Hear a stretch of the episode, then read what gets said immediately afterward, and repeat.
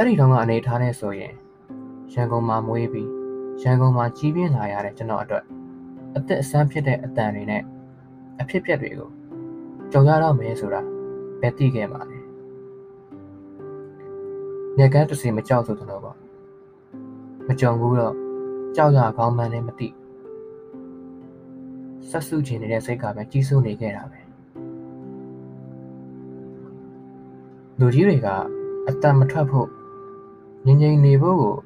ခက်စစ်စိတ်ပြောလာတော့ပိုပြီးတန်တရားဝင်လာတယ်။ဘာတွေဖြစ်နေတာလဲပေါ့လေ။